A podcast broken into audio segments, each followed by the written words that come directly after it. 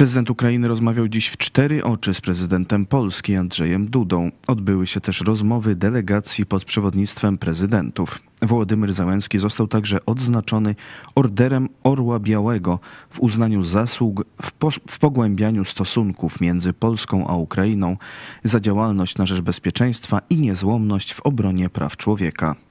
Obaj prezydenci wystąpili na konferencji prasowej. Paradoksalnie mamy nadzieję, że z tej tak dramatycznej sytuacji, w jakiej znalazła się Ukraina, w jakiej znalazło się społeczeństwo ukraińskie, poprzez fakt tego, jak bardzo zacieśniły się związki pomiędzy naszymi narodami, kiedy Polacy wyciągnęli rękę do swoich sąsiadów z Ukrainy po to, by im pomóc w tej trudnej sytuacji, że dzięki temu także uda nam się budować świetną przyszłość. W myśleniu o tej przyszłości nie możemy zapomnieć także o przeszłości, że na tej przeszłości, także na tych jej trudnych elementach, które omawiamy między sobą, które omówimy, pamięć, którą utrwalimy, oddając hołd wszystkim tym, którzy zginęli, którzy odeszli, będziemy mogli zbudować braterstwo pomiędzy narodami naszymi także i na przyszłość. I my uważamy traktujemy Polskę jak naszego prawdziwego przyjaciela, nie tylko partnera, ale przyjaciela na wieki. Dziękuję Ci, Andrzeju, za to, że zbudowaliśmy pomiędzy sobą tak przyjazne stosunki między naszymi narodami. Stosunki powstawały przez wiele, wiele lat i dziś naprawdę jesteśmy w takich mocnych relacjach, bliskich relacjach przebywamy i ludzkich, i to jest bardzo ważne w każdej kwestii i w kwestii historycznej. Jestem pewien, że to wszystko obowiązkowo rozstrzygniemy. Prezydent Andrzej Duda przekazał też, że oba państwa pracują nad nowym traktatem Chcemy, żeby on był nowy, żeby stanowił nowe otwarcie. W związku z tym jest szereg elementów, nad którymi trwają, trwa jeszcze praca i rozmowy. Jesteśmy w tej chwili na etapie zaawansowanych prac. Wierzymy, że niedługo będziemy mogli taki traktat zamknąć i zawrzeć między naszymi państwami, powiedział polski prezydent. Dziś po godzinie 18 obaj prezydenci mają wygłosić przemówienia na Zamku Królewskim. Oskarżony za plakat z Janem Pawłem II. Podczas niedzielnego marszu papieskiego w Warszawie mężczyzna trzymał plakat przedstawiający wizerunek Jana Pawła II, na którym dopisał winny, hipokryta oraz zbrodniarz obrońca pedofilów. Został zatrzymany przez warszawską policję, która postawiła mu zarzuty z artykułu 196 kodeksu karnego, czyli w sprawie obrazy uczuć religijnych. Sprawę relacjonuje Gazeta Wyborcza. Relacjonując wydarzenia, Piotr Szkutnik opisywał, jak został potraktowany przez uczestników marszu. Wykrzykiwali, że długo już nie pożyje. Mówili, że za czasów Gomułki zostałbym powieszony. Usłyszałem też, że jestem szmatą, na którą nie warto nawet oddać moczu. Wyzywali mnie, szturchali. Momentem kulminacyjnym było wyrwanie mi plakatu i zniszczenie go.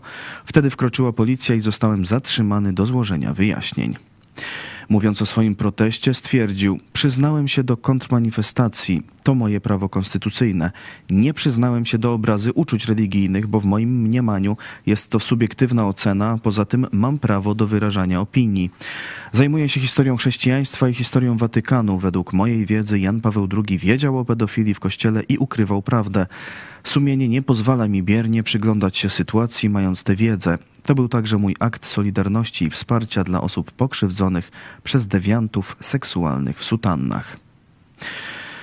Podobny proces o obrazę uczuć religijnych toczy się w Lublinie przeciwko pastorowi Pawłowi Chojeckiemu na podstawie jego nieprzychylnych wypowiedzi o kościele katolickim. Kolejna rozprawa w sprawie pastora odbędzie się 13 kwietnia.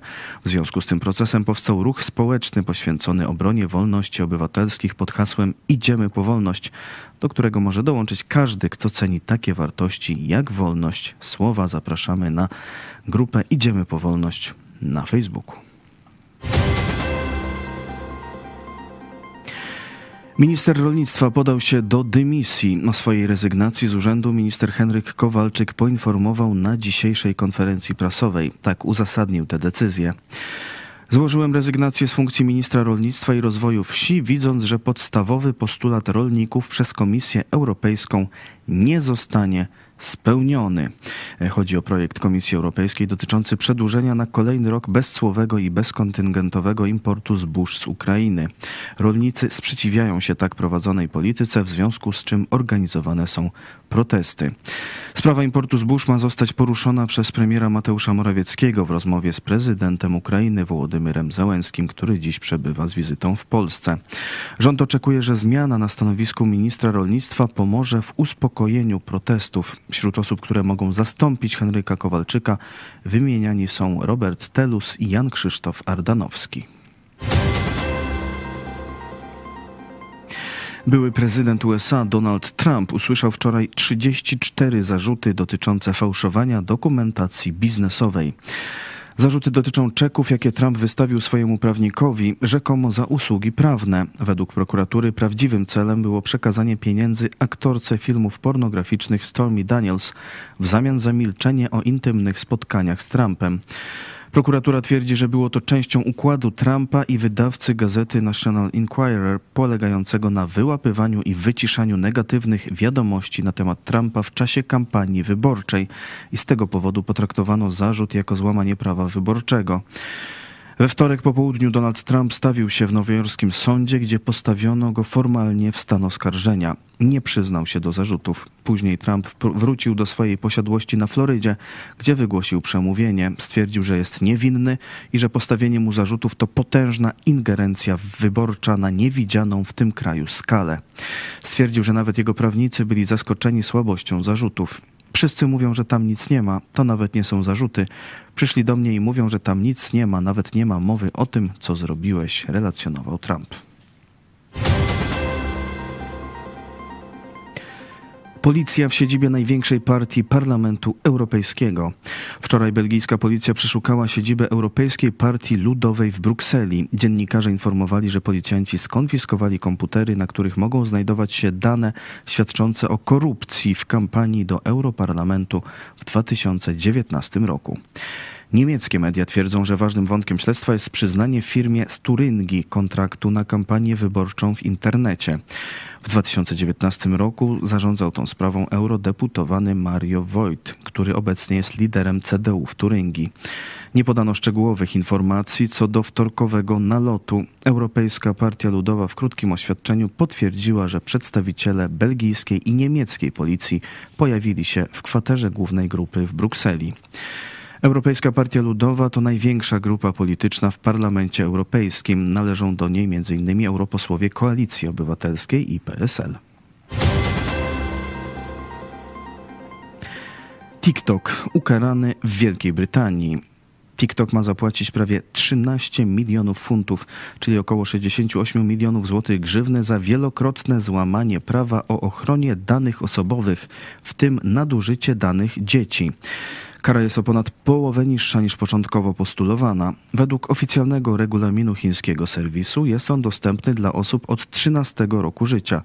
Jednak według brytyjskiego Urzędu Rzecznika Informacji mogło tam założyć konta nawet niemal półtora miliona dzieci poniżej 13 roku życia. Decyzję władz Wielkiej Brytanii tak komentował John Edwards, brytyjski rzecznik informacji. Szacujemy, że ponad milion dzieci zostało dopuszczonych do platformy w nieprawidłowy sposób. W wyniku tego firma TikTok mogła zbierać i wykorzystywać ich prywatne dane. Te informacje używane były zaś do śledzenia i profilowania nieletnich. Potencjalnie platforma dostarczała im też szkodliwe i nieodpowiednie dla ich wieku treści.